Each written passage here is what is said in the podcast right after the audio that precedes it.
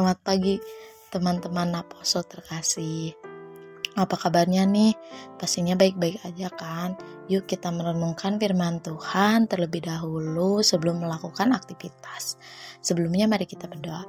Selamat pagi Tuhan, selamat pagi Yesus. Tuhan, terima kasih untuk kasih setiamu Tuhan. Terima kasih untuk semua yang kau berikan Tuhan.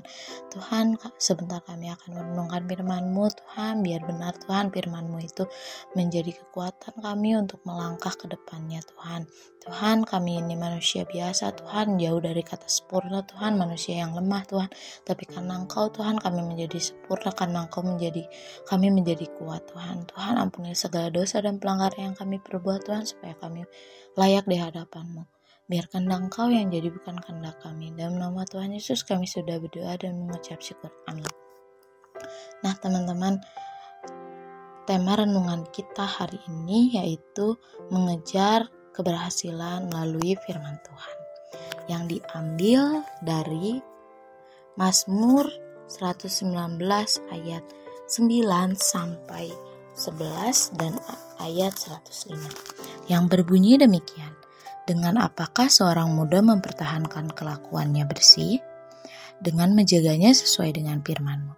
Dengan segenap hatiku aku mencari engkau, janganlah biarkan aku menyimpang dari perintah-perintahmu. Dalam hatiku aku menyimpan janjimu, supaya aku jangan berdosa terhadap engkau. Ayat 105 Firmanmu pelita bagiku, kakiku dan terang bagi jalanku. Di zaman sekarang, ini banyak anak maposo yang kreatif dalam hidupnya, belajar berbisnis, mengembang, mengembangkan bakatnya yang luar biasa. Namun sering kali juga ada naposo di sekitar kita yang memiliki cita-cita tidak tercapai, sehingga imannya menurun dan tidak ada semangat buat hidup. Yang seperti itu, yang tidak didasari firman Tuhan. Seseorang yang tidak didasari dengan firman Tuhan pasti bakal kecewa, bunuh diri, pasti akan lari ke hal-hal yang negatif. Yuk kita sama-sama mempelajari gimana sih caranya untuk mencapai keberhasilan bagi kita anak Maposo dalam firman Tuhan. Yang ke satu diambil dalam Amsal 1 ayat 7 yang berbunyi demikian. Takut akan Tuhan adalah permulaan pengetahuan, tetapi orang bodoh menghina hikmat dan didikan. Nah, teman-teman, di ayat ini kita diajarkan kita harus takut dulu akan Tuhan, karena Tuhan, Sang Pencipta kita, Tuhan yang patut kita takuti dan kita hormati dan kita puji. Yang kedua, diambil dalam Mazmur 1 ayat 1 sampai 3 yang berbunyi demikian. Ia seperti pohon yang ditanam di tepi air, aliran air yang menghasilkan buahnya pada musimnya dan yang tidak layu daunnya, apa saja yang diperbuatnya berhasil.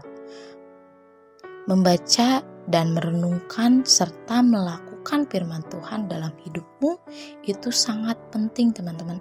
Karena apa pun masalah kita apa pun yang kita mau apa pun pokoknya segala sesuatu dalam hidup kita itu berada dalam firman karena kita berasal dari firman. Oleh sebab itu apa pun yang kita ingin tahu pasti ada di firman. Ataupun kita mau tahu apa sih maksud Tuhan dalam hidup kita itu ada di firman. Jadi segala sesuatu itu ada di firman yang ketiga diambil dalam 1 Tesalonika 5 ayat 19 yang berbunyi demikian janganlah padam roh Maksudnya yaitu kita harus mengandalkan Roh Kudus di dalam kehidupan kita. Maupun senang, susah, duka, apa pun teman-teman. Karena Tuhan Yesus naik ke surga menurunkan Roh Kudus itu untuk menemani kita di saat apa pun. Jadi jangan pernah untuk meninggalkan Roh Kudus apalagi menghina Roh Kudus. Yang keempat diambil dari kitab Daniel 6. Nah, teman-teman, dari keempat ini kita belajar dari Daniel yang bersungguh-sungguh kepada Tuhan Yesus meskipun ia dalam dalam cobaan yang begitu berat, yang mepet, yang yang sebenarnya dia bisa menyangkal Tuhan tapi dia nggak menyangkal Tuhan. Tapi Tuhan selamatkan dengan di luar logika manusia teman-teman. Karena Tuhan bisa menolong kita bisa membantu kita di luar logika manusia karena tidak ada yang mustahil bagi Tuhan teman-teman. Dalam Daniel 6 ini kita diajarkan untuk tetap berpegang teguh kepada Tuhan, tetap setia kepada Tuhan apa pun keadaannya. Sekalipun di zaman sekarang, teman-teman, ini keadaan yang sulit banget. Jika engkau sungguh-sungguh mengandalkan kuasa Tuhan, maka pasti ada pertolongan. Pasti ada akan indah pada waktunya. Yang penting adalah selalu minta pertolongan Tuhan komunikasi sama Tuhan melalui doa. Itu. Yuk sama-sama teman-teman untuk berkomitmen untuk selalu mengandalkan Tuhan, berpegang teguh pada firman Tuhan. Sebelum mengakhiri renungan hari ini, mari kita berdoa. Tuhan terima kasih Tuhan untuk firman-Mu Tuhan terima kasih untuk renungan-Mu Tuhan terima kasih Tuhan Engkau masih mengasihi semua yang kami butuhkan Tuhan. Meskipun kami kemarin-kemarin sombong Tuhan kepada Engkau tapi Engkau masih memberi semua yang kami perlu Tuhan. Tuhan terima kasih Tuhan biar kami menjadi alatmu menjadi garam dan terang di dunia ini Tuhan.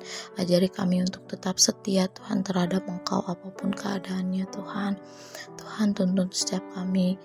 Tuntun apa pun Tuhan dalam keadaan apa pun tuntun kami Tuhan. Tuhan terima kasih Tuhan untuk semuanya Tuhan. Sebentar kami akan beraktivitas Tuhan biar Engkau yang campur tangan biar Engkau yang bertuntun Tuhan setiap langkah kami Tuhan. Biar Engkau yang tutup bungkus oleh kuasa darahmu Tuhan dari godaan si iblis Tuhan baik itu dari virus Tuhan. Biar engkau yang tutup bungkus Tuhan. Biar engkau yang sertai Tuhan. Baik keluarga kami baik kakak kami baik adik kami Tuhan. Baik teman-teman kami Tuhan. Baik siapa pun Tuhan. Biar engkau lindungi Tuhan. Yang sakit disembuhkan yang sembuh makin disehatkan Tuhan. Terima kasih Tuhan. Ampuni segala dosa dan pelanggarannya kami perbuat Tuhan. Supaya kami layak di hadapanmu Tuhan. Biar kenak engkau yang jadi bukan kehendak kami. Dalam nama Tuhan Yesus kami sudah berdoa dan mengucap syukur. Amin Selamat beraktivitas teman-teman, semangat selalu.